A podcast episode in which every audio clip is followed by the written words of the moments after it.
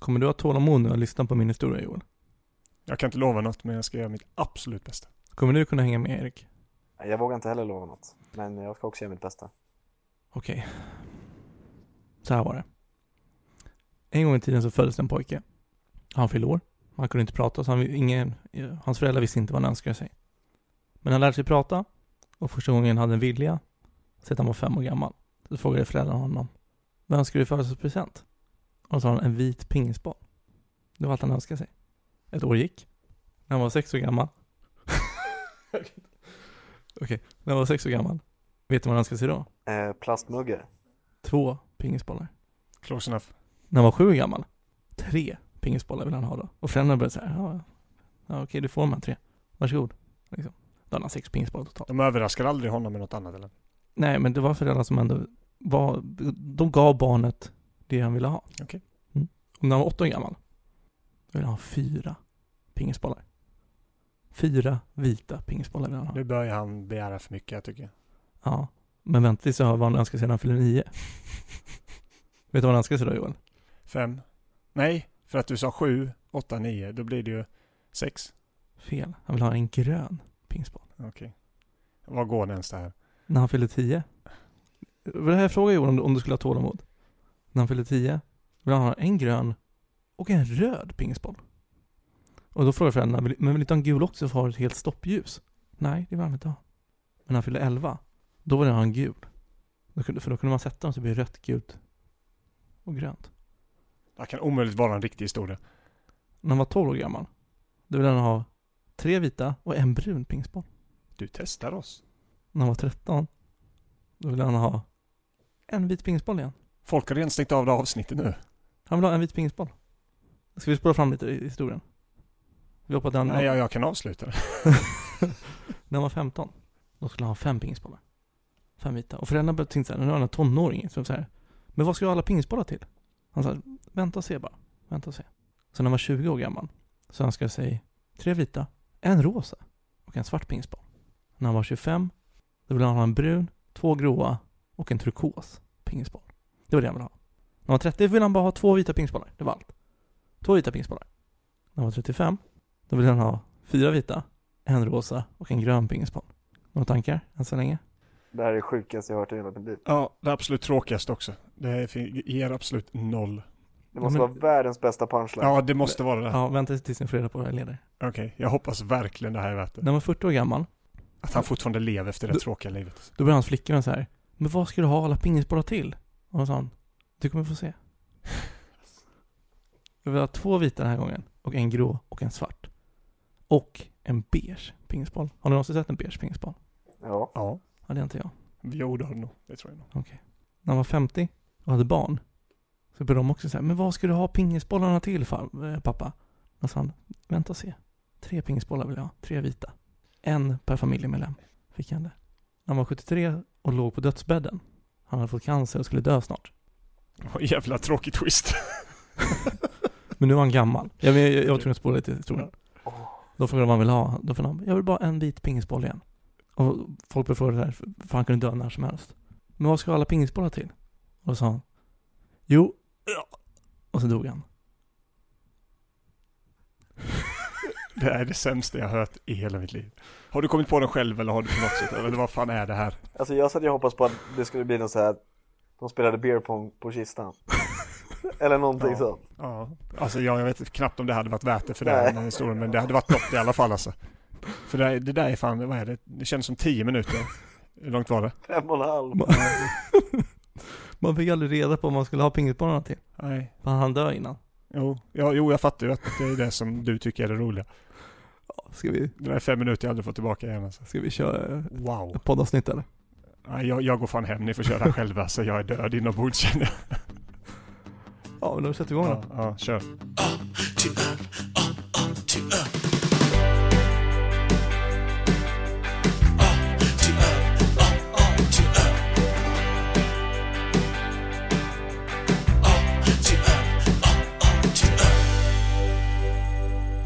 Hej och välkomna alla lyssnare. Nu är det dags för ännu ett till avsnitt av A till öl, det vill säga podden som provar alla ölsorter på Systembolagets fasta slash standardsortiment i bokstavsordningen A till öl. Mitt namn är Fredrik och med mig har min kompanjon Joel Wallgren. Hur är med dig Joel? Tjena. Eh, jo, det är bra tycker jag. Eh, Mm. Bra dag måste jag säga ändå. Har du återhämtat dig från helgens travbesök? Ja, sakta men säkert. Imorgon eller bättre kanske. Eh, Det är ju måndag idag som sagt också så att eh, det har gått två dagar eh, sedan dess. Men jag behöver en dag till känner jag. Ni vet ju den här klassiska grejen som eh, man gör på fyllan ibland när man pratar med en kompis. Typ så här, Åh fan, vi borde ge lätt göra de här planerna. Och så vidare. Men tanken är att man aldrig ska uppfylla dem. Mm. Med så har vi även Erik. Ja. wow. Vilken Igen. intro till mig. Nej, men eh, vi vill ha med dig eh, eh, ännu ett avsnitt för vi tyckte det var otroligt underhållande och väldigt kul att dyka öl med dig. Ja, det, det, det tror jag inte, men jag uppskattar det. Framförallt så gillar jag att det känns som att vi är på mer sida än vad du och Fredrik är så därför tycker jag det är extra roligt också. Ja, ja men det, jag förstår det. Det är Men- bra att det är någon som kan liksom battla lite mot Fredrik. Ja, exakt. Men alla populära ledare slash alfahanar hade ju alltid en ganska stor klunga som var emot dem. Ja. Eller hur? Ja, alltså absolut. Ja, alltså det är de säger. Alla de som är bäst på något, de håller flest hatar också. Tackar, tackar. Men eh, Mm. jag, låter, jag bara säger så, så låter den ligga där. Men Erik, sist när du var med så pratade vi inte så mycket om dig. Nej. Förutom din ölsmak. Vad, vad har du för intressen i livet? Förutom öl då, tänker du? Ja, definitivt förutom öl. Oj. Ehm, alltså, mig är nog lätt att... Jag, man skulle kunna beskriva mig lite som en hund. Men vänta lite. Va? Bara att säga så kanske inte lå- är, låter som en komplimang, men då syftar jag till att ser jag han studsa med boll, då springer jag efter den. Oh, Liksom. då gillar jag faktiskt den liknelsen. Ja, och jag är liksom lite dum, glad och bara... Jag är bara nöjd för det lilla liksom. En god öl kan göra mig väldigt glad. Studsande boll och ett litet nätedrack eller en Mm. golfklubba med ett hål någonstans. Då är jag, då är jag glad. En golfklubba med hål eller en golfklubba och ett hål? Ja, Helst inte ett hål i golfklubban. jag bara kollar. Ja, Säkert. Kanske i putten man får hitta balansen. ja. Nej, men det beskriver mig ganska bra. Ja, men vad tänkte du Joel när han sa att han beskrev sig själv som en hund? Nej, jag vet väldigt, typ, vad säger man, väldigt mycket, du vet såhär, du vet som man är lite överallt och du vet såhär Mhm. bara, när jag, hund, det finns ju olika typer av hundar också, så innan jag målar in mig för mycket i Mm. ett hörn så är det mer bara att jag såg typ en, en liten, eh, vad heter de här som bara, Chihuahua? chihuahua ja, som Mm. bara, "Ah, mycket sån hund så jag framför mig. Men sen när du tänkte, när du förklarade att jaga boll, då bara, fan vad bra liknelse. Den borde man använda på sig själv. Eller man borde ha gjort Mm. det när man var yngre och jagade mer boll. Men vad talar om hundar? Hundar, det det är inte mycket hundar i kloster. Nej, För veckans öl i en klosteröl. Nice segway. Wow! den, den grävde du riktigt djupt Den här efter. P3 in. Eh, och det är alltså Aldersbacher. Mm. Aldersbacher. Den tyska klosterdunkelölen. Eh, det är en mörk lager slash en dunkelöl. Den är mörk får man ändå säga. Men det är ingen stout. Stämmer. Eh, men den eh, ska vi också säga att den kostar 26,50. Mm. 50, känns inte det väldigt... Vad heter det? 2016. Ja men att, att så här, finns ören ens? Fortfarande i Sverige? Men nu avrundar du alltid till hela. Gör du nu för tiden. Det finns inga 50-öringar kvar längre. Nej. Så varför Men, prissätter men man det? kortet, eh, när du betalar digitalt så är det väl fortfarande att du betalar exakta summan va? Det är Ja. bara när det är mynt du avrundar uppåt eller neråt. Exakt, och även om du köper två, köper du två saker som kostar 26,50 så Ja. Mm. Så sparar du på det. Mm, absolut. Ja, den är alltså 5,3% i. oj. Så den är en en normal lager. Ja, jag vet inte vad räknas som normal tänker jag. Det är runt fem i alla fall vet man ju men finns det någon sån? Vad det typ ska vara om man säger så? Enligt några tyska regler för det känns som tyskarna håller ganska mycket regler kring vad faktiskt Ja, men det är ju det är en bayersk. Ja, Eh, men det är södra Tyskland. ja, så den är ju liksom, den är ju startad från Ja, Joel, du kommer nog kunna ganska bra gå igenom det här. Så vi, vi väntar med att gå igenom historien om vad det är för något och Mm. vad de gör. Eh, men jag tänker att vi skålar och provsmakar den här. Ja. Skål mina Det vänner. här är en öl jag vill lukta på först känner jag. Vet ni sa förra gången att jag inte hade smakat på en öl. Som jag bara wow, det här är en etta. Jag säger inte att detta är en etta men den är fan inte... Nej jag ska inte säga för mycket än men det var... Det är ju som en snäll stout där. ja I så lite. fall kommer jag få det jobbigt med stouten alltså. Ja. Jag tror att vissa stout kommer du avsky. Mm. Men är är det lite, alltså, det typ kaffe, alltså är det Mm. någonting kopplat, alltså finns det någonting sånt i en, när man brygger den här, tillsatt med det? För jag får lite så, eftersmaken är lite kaffe liksom. Ska, ska jag prata lite om den? Eller har du någon input där Erik? Nej men jag känner, jag vet inte om jag känner kaffe, kaffe. Det är någonting. Det kan vara det eller typ nästan kakao. Det är någonting som ligger kvar. Ja, just på den här Eh, så det är, ma- det är maltig smak med inslag av kavring. Vad är kavring? Det är inte det fisk. Jag vet inte. Nej, kavring är hemmabakad klassisk kavring. Det är det här mörk, nästan, nästan Det där vört- brödet fisk säger jag. Just det, det där brödet, just det. Vi kan klippa bort det. Ja, gör det snälla. Eh, det är torkade fikon, choklad, apelsin och knäck. Och det är ju, det ska jag säga ganska standard för mörk öl. Är det det? Låter ju juligt, om inte annars. Mycket juligt. Mm. Okej. Och dunkel, som det här är, framförallt det är en bayersk mörka och ursprungliga lagerölen. Så det här, är- det här kanske är en av, av the OGs. Oj, ja. Den här, alltså ölsorten vi äh, äh, dricker nu. Förr, alltså, förr i tiden så, så var mer eller mindre all, allt öl mörkt. Eftersom malten då alltid var hårt rostat och den också i, i sig var mörk. Det är därför det är så. Är det där kaffe, att jag får det här, att det är rostade? Lite mer så här att det är där jag får det lite ifrån kanske. Det kan det vara. Kaffeassociationen. Och jo, jag kommer ihåg ett av de, det var det första avsnittet vi pratade om Reinheitsgebot. Ja, reglerna kring det. Ja, det var, och det var eh, den dunkelölen Mm. var den första ölen som blev reglerad av den. Av Okej. 1516, när det instiftades av Wilhelm den fjärde av Bayern. Och Erik, minns du vad det var för någon? Nej, Det, det, var, det handlar om vad en öl får innehålla och ska innehålla. just det. Jag minns inte vad exakt det var, men jag minns att ni hade den diskussionen. Ja men det var till för alltså, kvalitetssäkra drycken. Eh, och det är en lag som lever kvar idag i Tyskland tydligen. Men dunkel som har, den har fått namnet som antyder på det mörka i färgen, oftast bryggd med stor andel Münchener malt. Och maltet dominerar smaker som är brödig, det- kavringen till exempel. Ja. Med aromer av mörk karamell, kola, choklad och ibland även lite brända toner. Generellt sett. Den här är ju lite annorlunda. Den lär ju vara väldigt snarlik det. Eh, Okej, och om ni får gissa... Okej, nej. All, allt vilt kött passar bra till den här, tydligen. Allt vilt, jag säga. Ja. Ja men fläsk, lamm, nöt, vilt. Detta, jag- vet du vad detta påminner man lite om typ så här när jag började dricka rödvin? Det gillade jag inte alls. Men sakta sen så har liksom, nu tycker jag det är jättegott att dricka det till olika, så jag kan tänka mig till kött faktiskt. Jag köper det vilt. Det är ju Mm. ganska intressant att eh, det är just vilt kött också. Men då hade jag kan se att jag kommer tycka om detta. Det kan Mm. jag se framför mig. Det var allt kött, det var inte bara vilt. Jaha, jag förlåt. Jag tyckte du sa Mm. allt vilt kött. Men allt kött, okej. Och jag tycker ändå att så här, det blir lite the, plot thickens nu när man tänker så här, okej den här mörka ölen bryggt i Tyskland, tyskarna äter mycket kött och korv och liknande. Mhm. De har ju ett plus ett lika med två, tyskarna. De är bra på mycket alltså. Är de det? Jag tycker det. Kan du säga fem saker de är bra på? Handboll, öl, korv, fotboll, eh, skoter. Alltså bra på en åka en skoter eller tycker du att Nej, jag skoter... tänker, nej, jag tänker bara gruppen är skoter. bra. Jag, jag, skulle, jag ska inte räcka så långt att jag tycker att skoter är bra, rent så, men bara skoter. Otroliga ingenjörer var det första som slog mig. De Ja, är väl de kanske också. världens bästa. Bilar har du ju. Mm.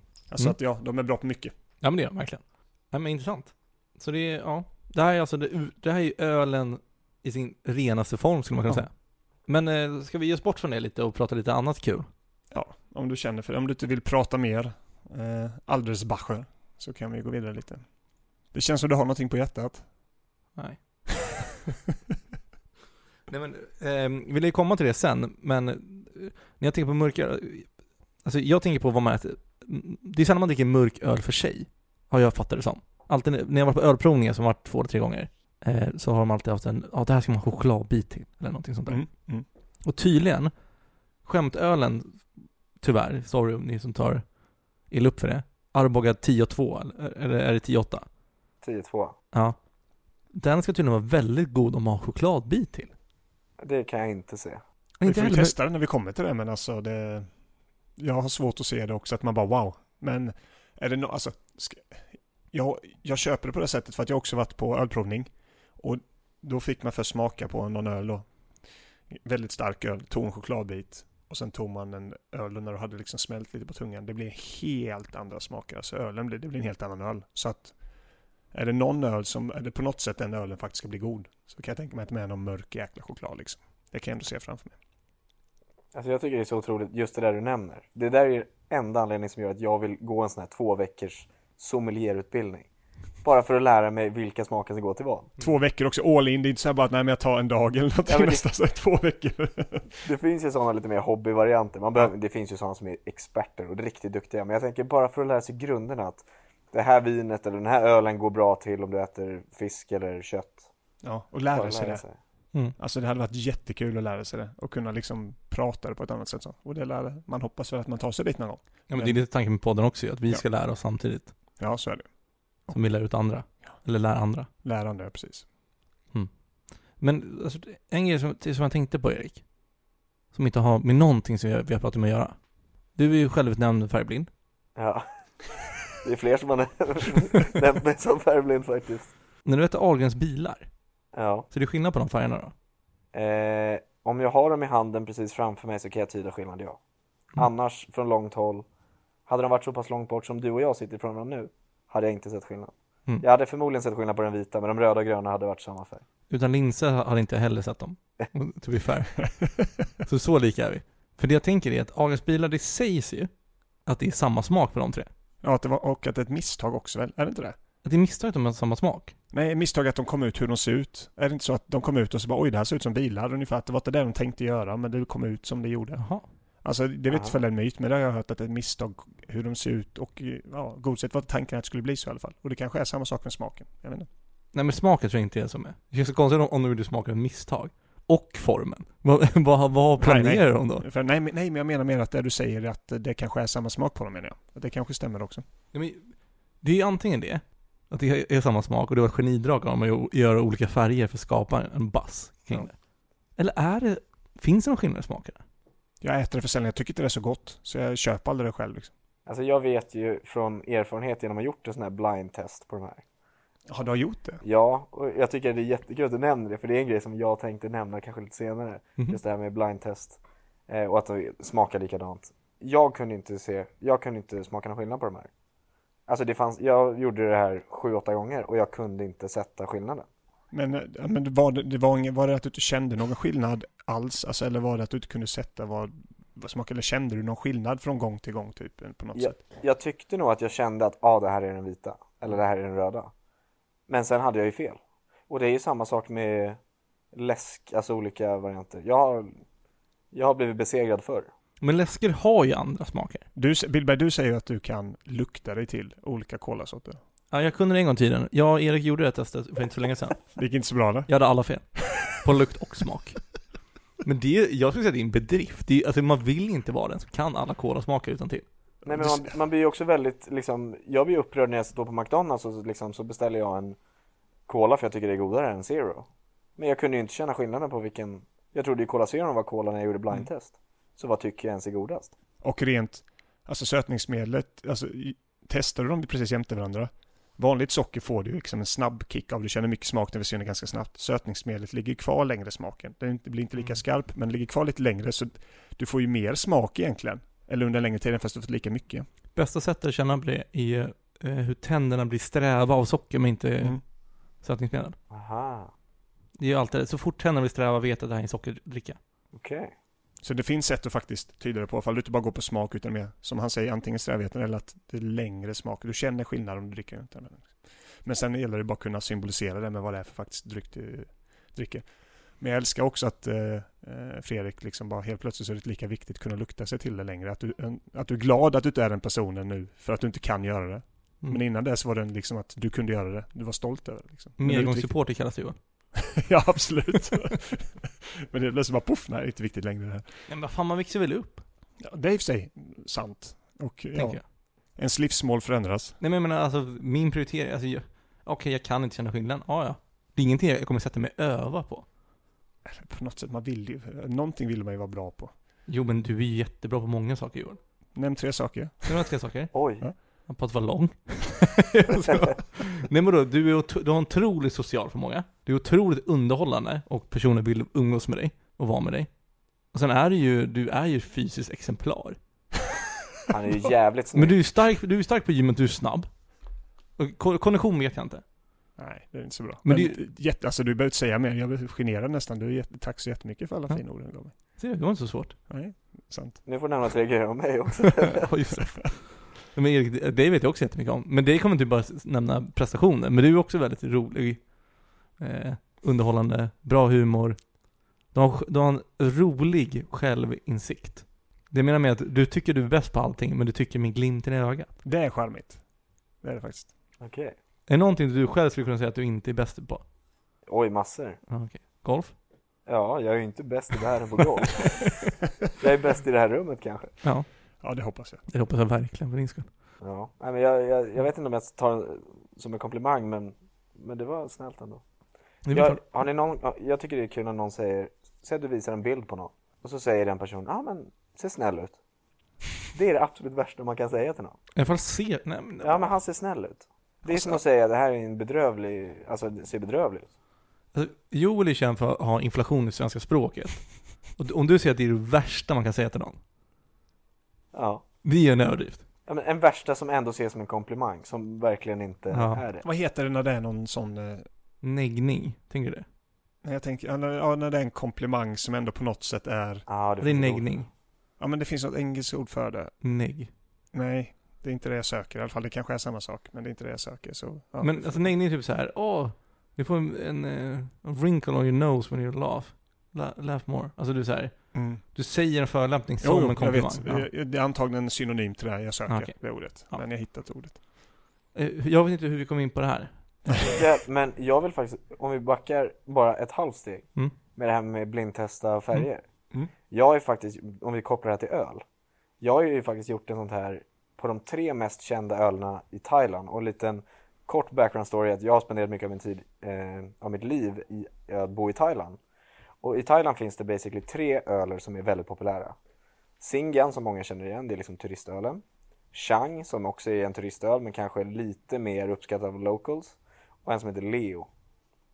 Den är väl lite mittemellan. Visst är det Singa som är här vita linnet med lejon på typ? Ja, precis. Mm. Guldigt lejon. Mm. Precis. Chang har en elefant och Leo har en leopard. Okej. Och alla har sin preferens, men ofta så brukar det vara de här charterturisterna älskar Singa. Och de här gubbarna man tänker som har de här linnena på sig, de älskar Singa.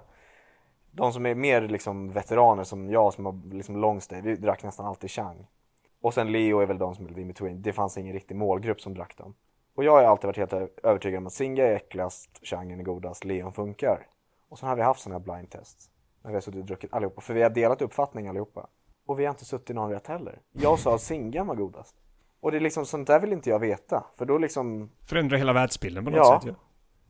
För jag menar, man tror ju att man har en viss preferens liksom. Alltså det, så är det ju bara. Ja. Men som lager, det har vi pratat om förut, det kan vara svårt ibland. Liksom man känner skillnader, du smakar dem jämte varandra. Men att placera det, om man inte är en riktigt bra, vet man vet vad ingredienserna gör och hur mycket de här små sakerna faktiskt smakar när du smakar av det på tungan och så. Men det är som nu när vi var iväg med, jag tror vi nämnde det förra veckan, är att eh, vi hade varit på en Frankrike-resa. Då körde vi ju ett test där vi fick se vilka ölen var också fem stycken då. Det- Fredrik var faktiskt lekanordnare där. Så har vi två lag och så var vi fem stycken i mitt lag där då. Och så skulle vi, det var fem lager. Och vi satte alla fem. oj. Mm. Det var Birra Moretti, 1664 lager. Corona. Eh, Pilsner Urquell. Och en till eh, eh, Peroni. Peroni. Oj. Några av dem är ändå ganska snarare. Peroni och Birra Moretti är ju liksom väldigt ljusa. Så de två såg Nej, ju. De, nej. nej. Corona, Corona, Corona och. Peroni är väldigt Så. ljusa. Så var det kanske. Han tror det var Urquell 1664, Birra Moretti var mörkast. Men vi satte alla. Så att eh, det är starkt. Det var vi väldigt stolta över ska vi säga. mm. Det andra laget satte tyvärr en, för de blandade ihop de andra fyra. Mm. Någonting sånt. Men eh, ja, alltså det blir svårt. Alltså det, det handlar ju tråkigt nog, tänker jag, hur mycket man har rört sig i de kretsarna. Alltså jag menar, dricker du Singa och Chang och Leo, eller vad det hette, varje dag, då borde du kunna känna skillnad. Men du berättade någonting annat om Chang innan. Ja, och det är ju någonting som inte är applicerbart längre, men när jag var yngre eh, i Thailand, den här Changölen då som jag uppskattar mer, de hade något problem i sitt, ja i destilleriet eller när de gjorde den här ölen, eh, vilket gjorde att beställde du en Chang på flaska så kunde du få den allt från 4% alkohol upp till 8,5. Och det här var ju liksom en, det är ingenting man kan se på flaskan, det är en mörk glasflaska, man ser ju ingenting mer än att det är en öl.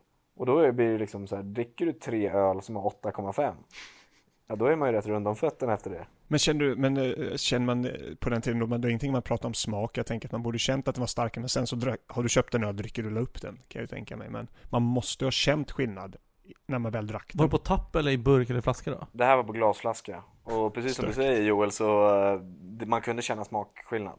Mhm. Men har man liksom druckit en bucket rom och cola och två singa innan så Ja. kanske du inte känner det. Nej, Men den slår ju likt förbannat hårt ändå. ja ja. Du sa när du var yngre, hur gammal var du? Ja men nu satte du mig på pottan direkt här. Tänk om mamma lyssnar.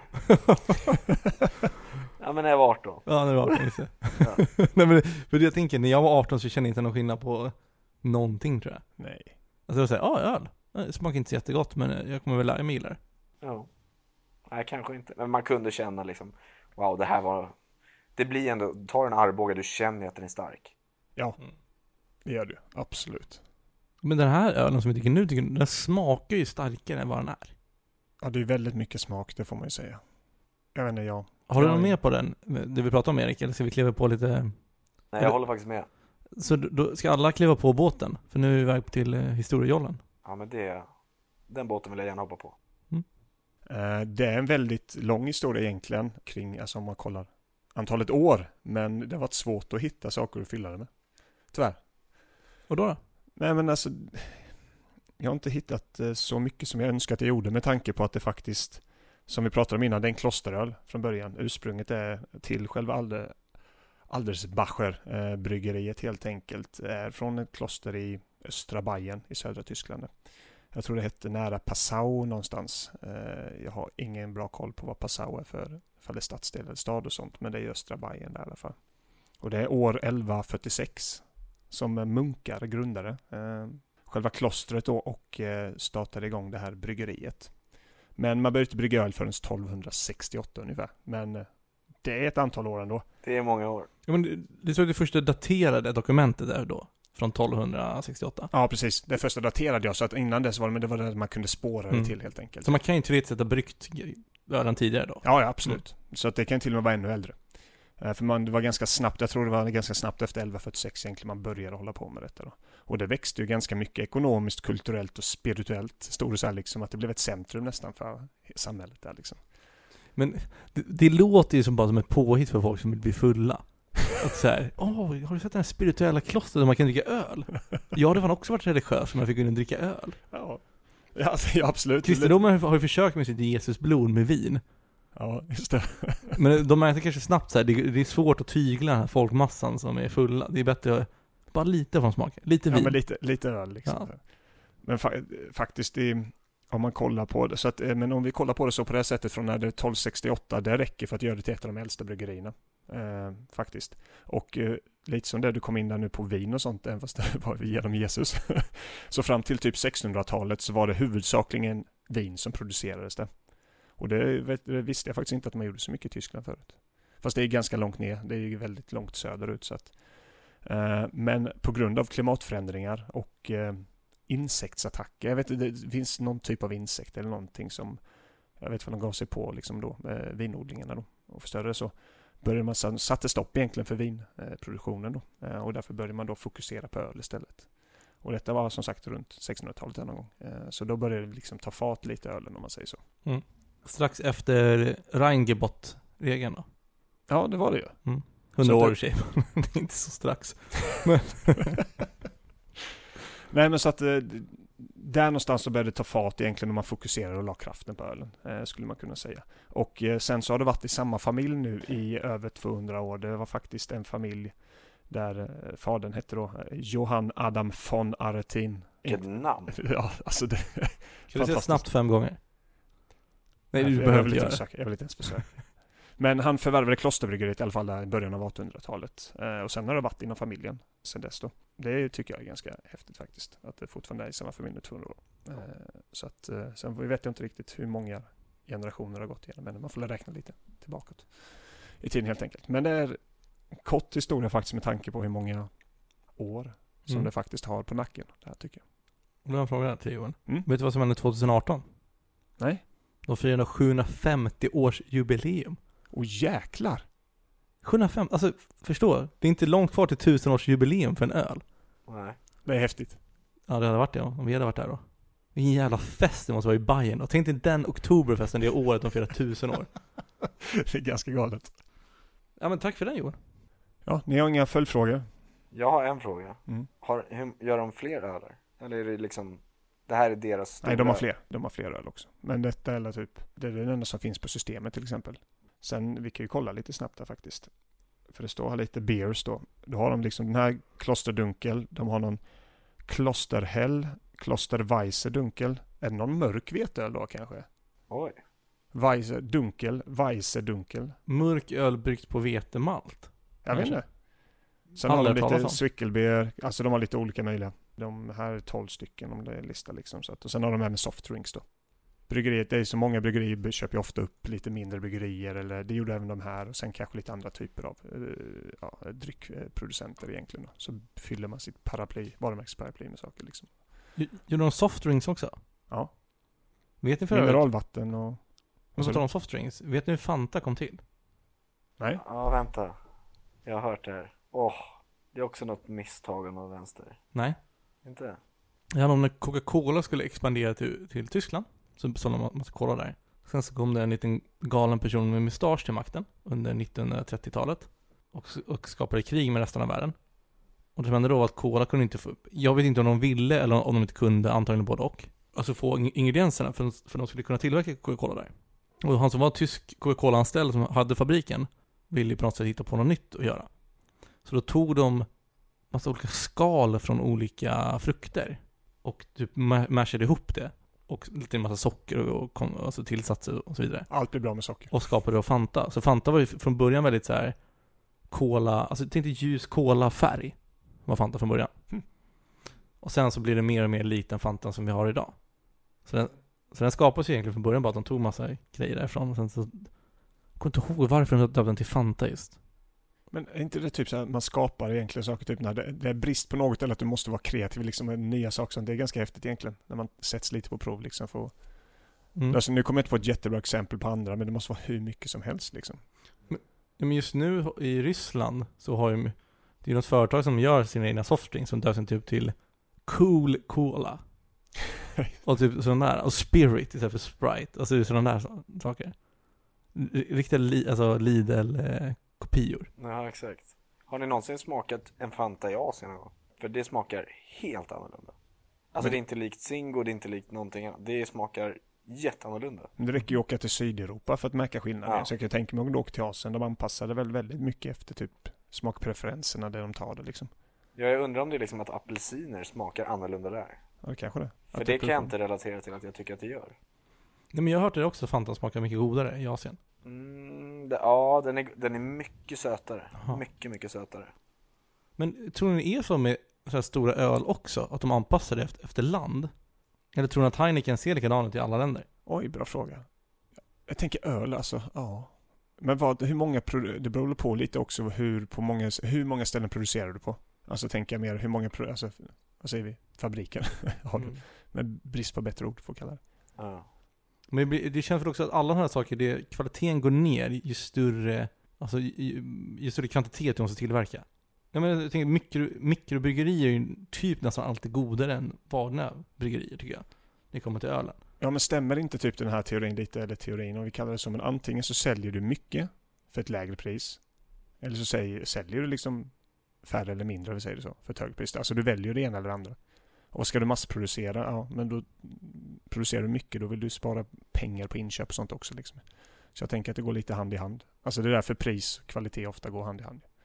Även fast det inte alltid stämmer, absolut inte. Mm. Det finns ju andra saker som varumärken du kan fylla saker med som ger värde. Till exempel du köper kläder som kanske inte är bättre kvalitet om något som kostar hälften så mycket men i grund och botten kvalitet kostar pengar. Liksom.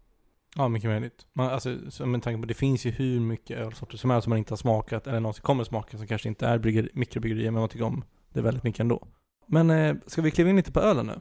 För som jag sa innan, jag, jag tycker verkligen att det är... Jag en gång i tiden har tyckt om stout. Eh, jag tror inte jag gör det lika mycket längre. För jag, jag tror inte jag gillar den här beskheten lika mycket. Förstår du vad jag menar? Alltså, för det känns som, alltså generellt sett, nu läste vi upp det också, men stout känns väldigt beskt i, som apelsinskal kan smaka eller som alltså, typ rostat mörk choklad. Alltså den är inte så söt, den är mest besk. Jag håller, jag håller med faktiskt. Det är någonting med, jag, jag känner typ första klunken och även framförallt lukten utav ölen är lite så här. Jag får någon typ, jag fick lite kaffe-vibes och lite choklad och det är väl nästan lite så här blaskig kaffe-vibe. Som att det blivit bränt men det var liksom inte så mycket pulver i från början. Lite den viben Mm. jag. Verkligen. Det är någonting. Smaken i sig, alltså jag tycker inte att den är liksom äcklig att dricka. Det är en, den är okej. Mm. Det är ingen dunderöl. Men det är någonting om det är liksom eftersmaken eller lukten som ändå ger någonting utav det här lite blaskiga kaffet. Ja, det, det, och jag tycker den luktar betydligt godare än den smakar tycker jag. Du tycker det? Ja, Ja, det jag tycker är nog tvärtom där faktiskt. Jag tycker jag skulle hellre sitta och lukta på den än dricka Okej. faktiskt. Fast nej, jag är ingen jättefan överhuvudtaget faktiskt. Eh, Nej. nej, det är den första ölen jag blir besviken på. Men det var skönt att den, det måste ju komma någon någon gång. Någon gång ja, och det, kan, det är då en mörk lager alltså. Som blir den ölen som jag liksom faller lite på den. Men sen, alltså i grund och botten tycker jag den är dålig för att jag tycker inte den är god. Alltså, jag kan ju förstå att folk tycker om ölen. Det är mycket karaktärer i den och gillar man den här typen av öl så kan jag ju förstå liksom att eh, den går hem. Och jag kanske om, vad säger jag, 50 avsnitt, då kanske jag sitter och tycker om den här typen av öl. Så kan det absolut vara. Men jag vet inte, det är någonting som bara, ja, jag vet inte. Ja, det funkar inte liksom. Jag får inte ihop det riktigt. Men det kanske krävs lite choklad eller någonting. Kanske vi ska testa någon gång. Men kan det vara att vi inte är vana med den här smaken? För det är lite så här, folk Absolut. har sagt det så här, det är ingen idé att gå, gå på Michelin, alltså trestjärnig krog, eller restaurang kanske man säger i det, det sammanhanget. För, för, för att du inte är van med den smaken, så du kommer inte kunna uppskatta det. Äter du, äter du McDonalds varje dag så kommer du inte tycka att den här maten är god. Till exempel. Och jag tänker att det är samma sak, är du van med ljus lager och aldrig dricker så här mörkare öl, så kommer man inte kunna uppskatta den här smaken lika mycket. Nej. Men det är klart. För du har ju en bild i huvudet när du dricker den, så här ska öl smaka tänker du. Och så här tänker inte du Joel, så här ska smaka. Nej, nej. Och jag var faktiskt trodde att detta skulle vara typ så att den ser mörk ut men är mer åt det lagermässiga hållet. Alltså rent smakmässigt ändå. Jag trodde ändå det skulle smaka mer som en la- ljuslager om vi kallar det då. Detta är ju en lager fortfarande även fast den är mörk. Men mer som en ljuslager. Så att jag tror mina smaker, alltså min hjärna på något sätt var inte beredd på de här smakerna som eh, jag fick här nu. Eh, Det här rostade nästan liksom. Nej, det, nej, det gick inte ihop sig alls tycker jag. Inte för, inte för att sällskapsdricka. Som sagt, äter jag med en mat, jag vet det, det kanske funkar. Men inte så här. Jag kommer inte ens slutföra den här ölen alltså. Ja, det är så pass. Ursäkta? Mm. Nej, jag tror inte jag, nej, jag kommer inte dricka upp det. Alltså jag är ju här kvar också. Det är en 50 centiliters flaska också så att det blir tufft alltså. Men för ni tycker den är så god får ni gärna ta resten sen. Men jag har druckit en, ni kanske har smakat den också. Och det var ren misstag att jag, att jag drack den ölen faktiskt. Det var någon gång när jag skulle göra någonting. Jag hann inte gå till Systembolaget och jag skulle förbi mina föräldrar och då bad jag min pappa åka och köpa eh, några öl. Och då köpte han Mariestad. Men han köpte Mariestad Dunkel. Och jag vet inte om det är limited edition. Som, jag, jag har sett den någon gång då och då. Men jag har aldrig sett någon köpa den. Nej, jag håller med. Det finns, den är med på listan. Ja, den, är, Mm. den gör det. När ni kommer till den, det är ändå en, det är ett tag kvar. Ha den här i åtanke, för jag tycker att det här är ganska likt. Den här påminner om den. Och jag blev väldigt förvånad när jag korkade upp en Mariestad och inte, för den ser likadan ut nästan burken. Den är lite, ja jag är färgblind i och för sig. Jag är världens sämsta referens. Men den, har, den- är lite mer tonad, den här guldbeiga färgen. Ehm, och den smakar, den smakar inte alls som jag förväntat mig. Men det, nej, men det ska jag försöka komma ihåg. Som sagt, bokstaven M, det är en bit Det är ett tag kvar. Får lägga en notis där. Ja. Men nej, den har jag aldrig, jag har aldrig sett. Jag, eller jag kanske har sett den utan att egentligen, för jag som du säger, jag har aldrig sett någon köpa den. Aldrig sett någon dricka den. Nej. Ja, men den ser ju verkligen väldigt eh, lik ut. Den gjorde det? Ja. Ja. vilken jävla tur för mig då. Alltså jag hade nog inte tänkt på att det var en mörk öl. Men alltså jag tycker det här, det här är väldigt fin öl att ha när det är mörkt ute, när vintern kommer. Men Ja, det- tycker du den är god? Jag hade inte velat dricka den här på en uteservering när solen lyser i en månad, alltså i juni månad. Nej men exakt. Det här är ju verkligen en sen höst, när typ snön börjar komma. Nästan typ om du ska dricka en öl på julafton. Hade jag typ kunnat ta den här. För det är nästan lite glögg-vibes över det. Det är lite julölvarning på den. Ja. Verkligen. Men, men alltså typ, eh, har du druckit, mö- eh, Fredrik, druckit eh, mörk lager förut?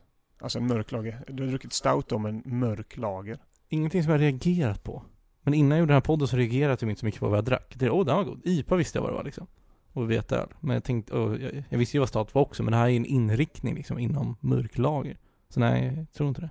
Undrar hur många mörka lager vi har på den här listan. Ja, I mitt huvud så tänker jag att mörklager måste vara ganska populärt och stort. Men det kanske inte är det. För jag, hade, jag, visste, jag trodde inte att en mörklager skulle smaka så här. Nej, kan jag säga också. Jag blev väldigt förvånad. Men du har ju det här, alltså ni vet vörtbrödhållet. Ja, Visst har det smaken? det har du. För det, det är väl det Ja. som är den där kavring, eller vad vi pratar om. Jag äter ju mycket hellre det dock än dricker den här ölen faktiskt. Det. Men det, det, är ändå, det är en bra återkommande fråga tycker jag. Var, alltså när, vilket tillfälle och var hade ni tänkt, hade den här ölen passat bäst respektive sämst? Jag köper dock öl. Eller förlåt, jag köper dock julen. jag köper julen faktiskt, för det är lite så här en julöl faktiskt. Det kan jag se framför mig. Ja, men jag håller med. Och absolut sämst är ju typ exemplet du gav. Alltså, Mm. tänk att det är andra veckan in på semestern, första veckan i augusti kanske. Och du går ut och du ska möta upp grabbarna på, på en picknick och ta med några bärs till parken. Och nu från förra veckan med parken, man ska inte dricka öl där. Men om man måste göra det, om man har vänner med sig, då är det okej. Super okej. Och så tar man med sig en sån här. Nej, då hade man blivit... Tänk för någon kommer med ett flak med bara den här. Nej. Men är också så här, tre sådana här öl ensam hemma. Det hade ju varit för mycket. Får man ens i sig det? Då det tar ju tid att dricka. Ja, då ringer klockan alltså. Men för, för ni, hur många sådana här ni kunnat dricka på en kväll? En? En ja. Ja, kanske två. Hade du det? Jag tycker, jag tycker det är så himla kul för att det brukar ju oftast vara när jag lyssnar på alla de andra, det är oftast du som hyllar ölen. Och ändå Fredrik som försöker vara lite kritisk. Ja. Men nu är det så kul att det är ombytta roller. Och jag tycker ändå inte att du hyllar den så mycket, utan du är mer bara... Men det här är ingen favorit. Vad sa du? Alltså den godaste mörkölen är Guinness tycker jag. Guinness tycker jag är jättegod på riktigt. Det blir spännande att komma dit. Ja, alltså den uppskattar jag väldigt mycket. Kan du dricka tre sådana? Den är, man, man blir så jävla mätt på det. Jag Ja. tror inte det. Två kanske. Men det här är nog första gången jag är verkligen brutalt besviken på ölen alltså. Brutalt besviken. Ja, alltså sen jag hade ju inga super... Men jag hade bara, det är just det bara att jag trodde den skulle smaka mer som en lager. Alltså detta blev bara... Alltså- det är som att de har bränt lagren och bara lagt den i flaskan liksom. Skulle man kunna säga att det här är vårt mörkaste avsnitt hittills? Det är en väldigt mörk kväll också. Ja, det är man känner att man hela dagen har varit mörk. Sant. Ja, pun intended. Och så, starta, så startade vi på ett mörkt jäkla sätt också. Ja just det, vi hade ju kanske årets sämsta punchline. Ja. Ja, men det var en bra story. Nej, det var det Ja, inte. den var otroligt dålig. Ja. Fyra fem. Nej. Tre fem. Nej, Den var sämre än ölen. Ja, den, ja, jag är benägen att hålla med. Jaha. Så nu duger inte min öl. Ska, ska vi klaga på någonting i, mitt, i min lägenhet också Joel? Nej, jag tycker det är kanon. Ja, men Det sitter jättebra. Jag tycker det är jättemysigt här. Jag det inte på något annat förutom din historia och ölen vi dricker. Ja. Okej då. Fair enough. Men Joel, kan inte du bara börja såga den här ölen då? Ska, ska jag börja? Mm. Jag vet inte ens hur jag ska liksom starta det för att jag tycker bara helt enkelt, jag tycker inte den är god. Alltså jag tycker den bara smakar, jag ska ta en klunk här nu. Eh, Man uppskattar ju de här 50 centiliters tyska flaskorna. Det känns som att Mm. nu dricker du öl på riktigt. Sen är det inte, alltså om man jämför med förra veckans, den här är ju inte alls på samma vacka, men denna har ju sin skönhet på ett annat sätt. Och den har en bra historia, så byggt på det så tycker jag ju att härligt kloster, klosteröl, gött. Smaken tycker jag är jättedålig. Eh, Jag tycker inte alls den är god alltså, men jag kan ändå se mig själv börja tycka om den. Så jag, jag ger den en och en Men- halva, jag ger den en halva extra bara för att jag tycker att det är en god, det är en god liksom eh, lång historia bakom, även fast det inte var superfylld med mycket vad jag kan hitta. Det var säkert mycket skit som hände under de åren. Men jag ger den en och en halva. Eh, Just för att jag tror också smaken på sådana typer av öl kommer växa på mig. Så att, eh, nej. Men Joel, du dricker inte kaffe va? Du gillar Jo, inte det? det gör jag. Du Eh, du gillar men jag, jag, men jag dricker inte varje dag, men jag tycker om det nu. Alltså, för jag, tror lång, alltså, jag kan säga innan jag fyllde 30 drack jag aldrig kaffe. Jag tyckte inte om det. Hur gammal är du nu? 33. Så det tre Bara? Vad sa du? Bara? Det hade jag aldrig kunnat gissa om inte ni hade pratat om det i föregående avsnitt. Eller inte föregående, men tidigare. Vadå för något? Att du är 33. Vad trodde du? Alltså, du ser inte en dag ut äldre än vad jag gör. Och jag är 27. Ja men ändå, det är Ja. stabilt ändå. Så länge man inte ser, om jag, så länge jag ser under 25 ut. Då kan Nej, jag ändå ta så 20, 27 är Nej. ganska lagom ändå. Mm. Men det är för att jag tar så mycket bekymmersrynkor just nu, annars har jag ganska mycket här vid. Du Men är så är idag. avslappnad. Du är, du är liksom aldrig stressad och bekymrad. Jag är så glad hela Stressad är en konstant. Men bekymrad absolut. Dricker tillräckligt mycket öl kanske. Hålla sig lugn. ja precis, det var det lagom. Nej men så där bygger på liksom att det, så det tog lite tid innan jag tycker om kaffe också, men nu tycker jag det är jättegott. Framförallt till fika då. Alltså morgonen kanske inte supermycket, men med en skvätt mjölk i liksom så. Ska jag, jag har en så här, jag tror jag har en nöt inledad med choklad. Vill du prova en sån till ölen? Jättegärna. Det kan jag faktiskt höja detta. Hämta det. också Erik. Ja, jättegärna. Det här var något helt annat faktiskt. Ja, ja verkligen. Mm. Jag försöker att inte tugga rakt in i micken men Det tog bort mycket av det här Alltså det här jätte jätte rostiga så nästan det liksom att jag Det mjuk, mjuknade upp ölen lite Mm. Tydligen, tydligen, jag vet inte om man ska ha choklad just den här. Den här så tror jag att man hellre vill ha en charkbricka. Mhm. Ehm, För det, alltså, det, det, det passar bra mot det feta och sältan. Det kan jag förstå. Och bäskan rundas av tack vare sältan. Ja. Ja, för det är det bästa jag har lite tufft med liksom. Men med chokladen, när man fick in lite det här söta. Det blev en helt annan öl för mig. Jag vet inte, har ni känt på det? Jag känner nog ingen större skillnad. Gör du inte det? Nej, alltså jag känner det du beskriver, men det, ingen, det var ingen revolutionerande skillnad. Nej, Mm. jag, jag tror det måste vara mycket mörkare öl då. Om du ska ha choklad till. Eller mörkare choklad. Ja, mycket mer också. Det var väldigt söt choklad. Men jag står kvar vid en, en och en halva. Mm. Men jag tycker absolut det var skillnad. Jag skulle kunna, alltså det hade tagit tid. Nu tog jag ingen jättemun heller när jag hade chokladen, utan jag tog ju en öl liksom så. så att, nej, men eh, en och en halva står jag kvar vid. Men intressant ändå att jag tyckte det var en stor skillnad faktiskt i smaken. Men eh, ska du köra Erik? Ja. Jag är nog med dig. Just design på flaskan. Inget speciellt, men den skriker ju liksom tysk öl. Och det ger ändå någon typ av känsla. Ehm, och jag tycker inte heller att ölen är jättegod. Men jag ser verkligen det här julkänslan. Jag kan ändå se att den har sin plats.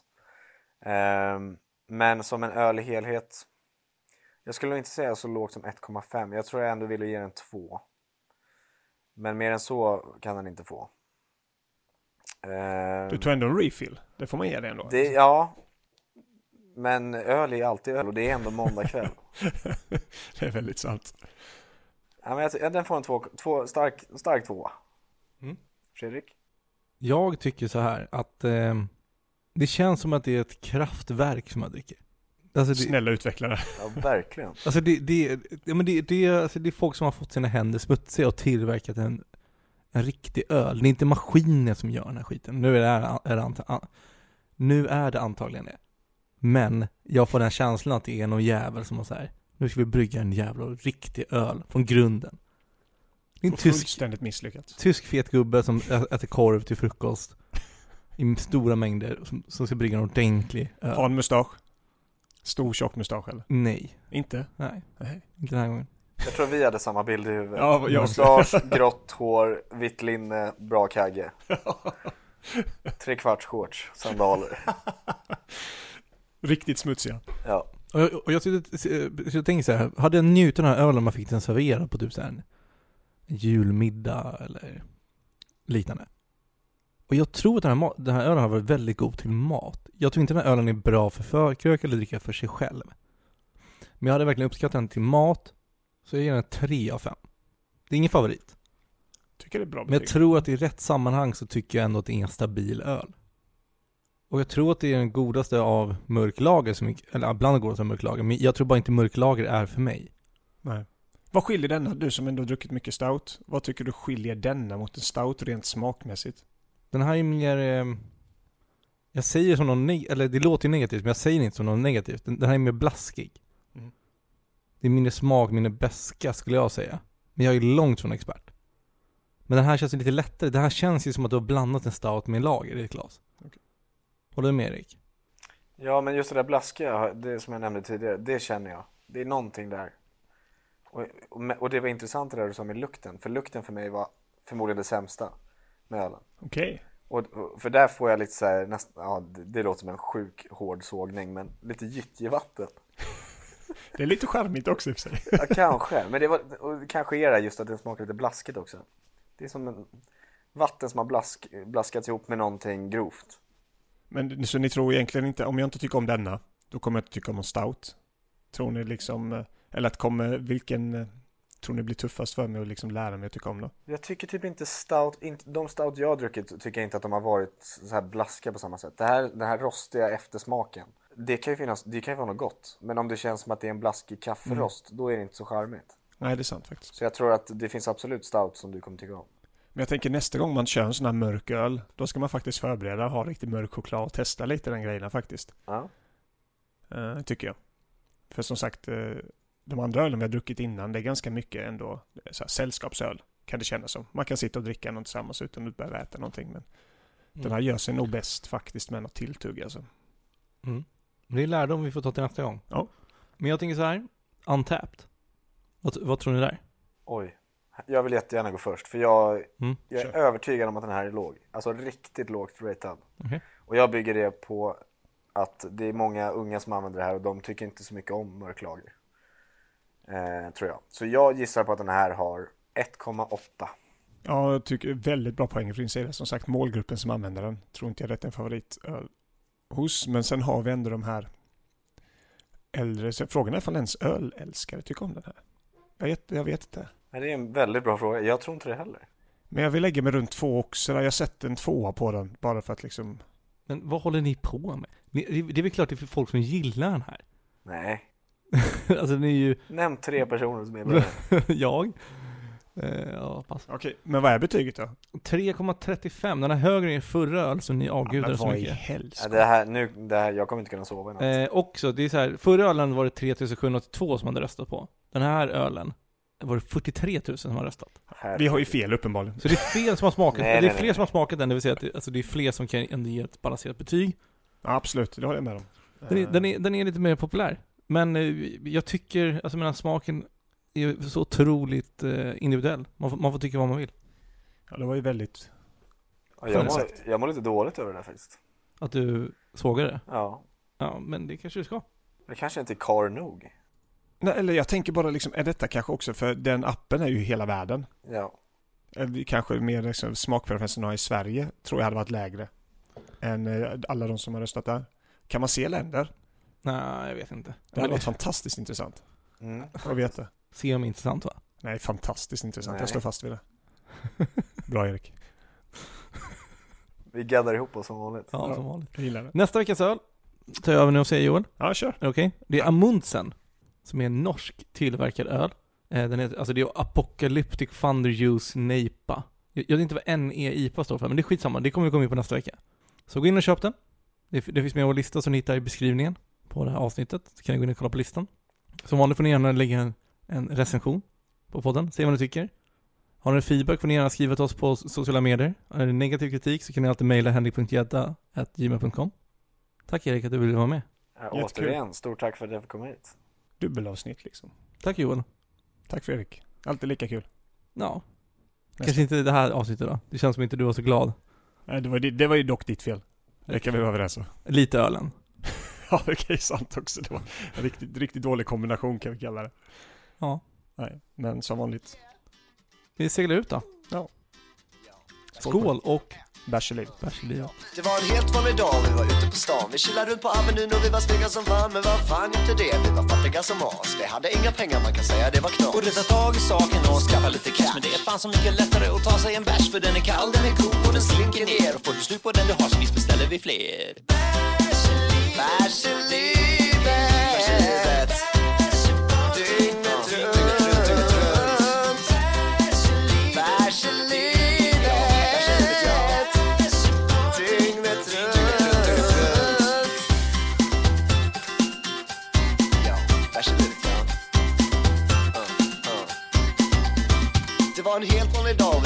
som fan. Men det enda som vi tänkte på var att bärsa på stan. Men vad fan gällde det? Puben öppnar klockan tre Så jag får dricka kaffe. Och jag får dricka te. Borde ta tag i saken och skaffa lite cash. Men det är fan så mycket lättare att ta sig en bärs För den är kall, den är god och den slinker ner. Om du får slut på den du har så visst beställer vi fler